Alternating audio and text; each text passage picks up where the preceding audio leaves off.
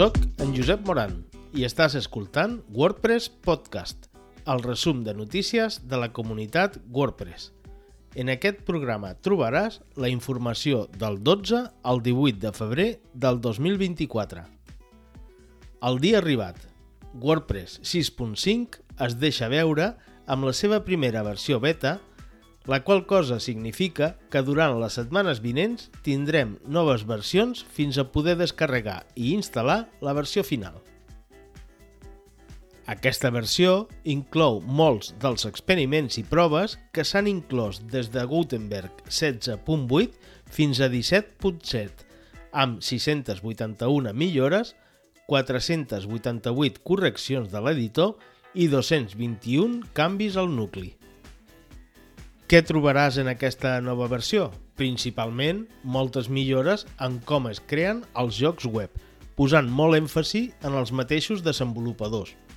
Una millor gestió de fons i estils, millores en els patrons sincronitzats i una gran quantitat de millores de rendiment posen l'èmfasi d'aquesta versió. La primera gran novetat és la biblioteca de fons que portava pendent de llançament per algunes versions i que permet la gestió de les tipografies d'una manera senzilla i segura, a més de legal, ja que les fonts se serviran de forma local sense enviar informació privada dels teus usuaris a tercers. Els patrons sincronitzats, anteriorment coneguts com a blocs reutilitzables, tenen un pas de millora i i permetran d'una manera senzilla poder modificar l'estructura d'un contingut sense que afecti el contingut en si mateix. Una altra gran novetat que millorarà l'escalabilitat de la publicació de continguts és la Blogs Branding API, que permetrà connectar atributs dels blogs a camps personalitzats.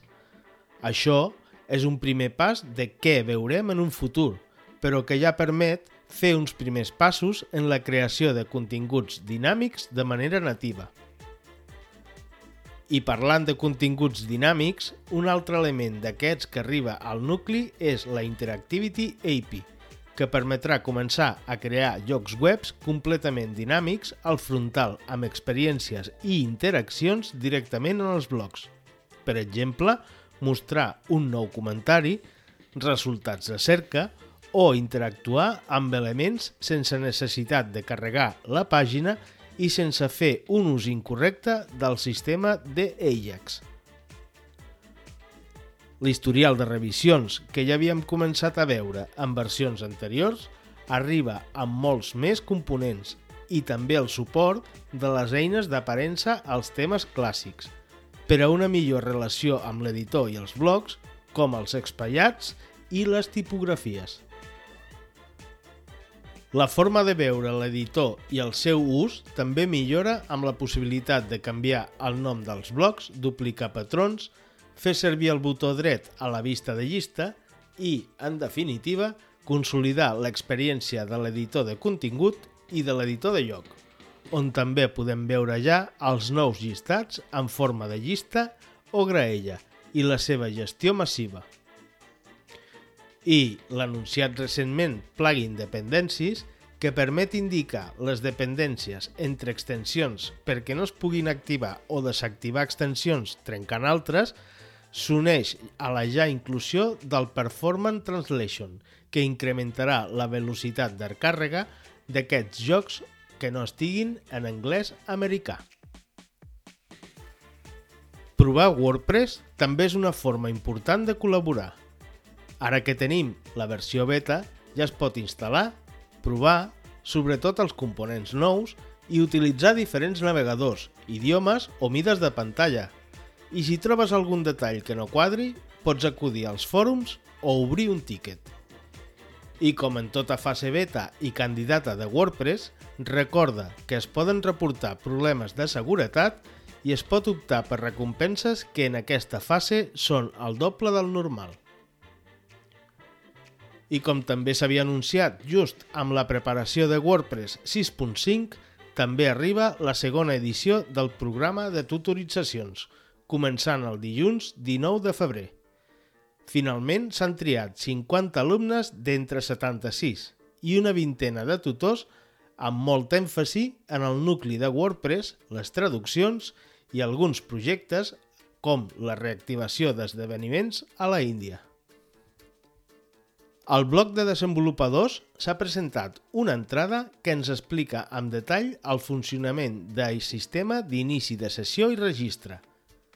Filtre d'autentificació i cookies són els dos elements principals a tenir en compte – la validació de l'usuari, a més d'alguns detalls importants a tenir en compte, com les contrasenyes, no poden tenir espai a l'inici o a final, o que totes les adreces de correu electrònic es converteixin en minúscules. El disseny de menús de navegació dels jocs de WordPress.org torna a ser un focus d'atenció, ja que el llançament de WordPress 6.5 es pot acabar de polir. Això també s'uneix a millorar tot el relacionat amb les pantalles de fons que s'introdueixen a la versió. I, com a detall especial, Openverse tindrà el seu propi mode fosc, el qual se li està acabant d'ajustar la paleta de colors i que es treballarà amb una paleta LCH, un sistema suportat en tots els navegadors des de fa ja un any i que permet una paleta molt més gradual. L'equip d'accessibilitat està treballant ja a WordPress 6.5, fent millores en una dotzena de tasques. La majoria tenen a veure amb la manca d'etiquetatge o de navegació, o relacionat amb les noves funcionalitats com les de plugins dependencies. L'equip de Meta itera una vegada més la documentació final dels usuaris coneguda com a Help Hub amb l'objectiu d'aplicar les millores que s'han introduït a la documentació avançada, és a dir, al DevHub. Després de l'aplicació del primer disseny i del pas a blocs de tot el funcionament, es van aplicar algunes millores a la part de documentació avançada que fan que la seva navegació i ús siguin millor i tots aquests petits canvis també s'aplicaran en la resta de seccions que afectaran principalment la pàgina principal a millorar el tema fill i a estandarditzar la tipografia i la gestió de feedback. L'equip de comunitat reprèn el projecte de reactivació de comunitats de Llatinoamèrica. Els objectius són clars.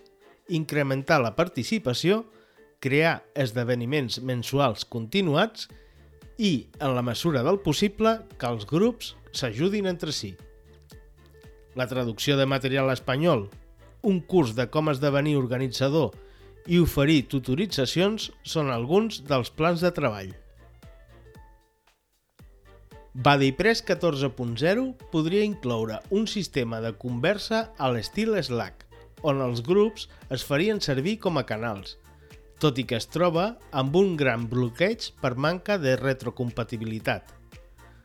Un altre dels treballs que s'estan preparant, ara que tot el sistema funciona principalment amb blocs, és la creació de plantilles i patrons per a una integració més ràpida i senzilla. I en l'enquesta anual de 2023 realitzada a la comunitat veiem alguns detalls i tendències interessants. Per exemple, la utilització de Gutenberg com a editor principal continua creixent fins al 40% dels usuaris. Un 20% continuen utilitzant l'editor clàssic, un 20% fan servir amb dos indistintament i un 12% utilitzen un editor diferent, tot i que una mica menys de la meitat diuen que el nou editor disposa de les eines que necessiten. Per als usuaris, la decisió d'usar WordPress se centra en tres elements. Seguretat, rendiment i estabilitat, amb l'èmfasi màxim en ser de codi obert i la disponibilitat d'una infinitat d'extensions i molta personalització. Pel que fa a la comunitat, la meitat dels usuaris no sap com contribuir. Coneix els esdeveniments WordPress o sap diferenciar entre wordpress.com i wordpress.org. A més, l'experiència dels contribuïdors ha, empitjorat tant en la recepció a la comunitat com en el seu reconeixement. I per acabar, Aquest podcast es distribueix amb llicència Creative Commons, com una versió derivada de WordPress Podcast en espanyol. Tens tots els enllaços per ampliar la informació a wordpresspodcast.cat o seguir el contingut també en espanyol, francès i anglès. Una abraçada i fins al pròxim programa.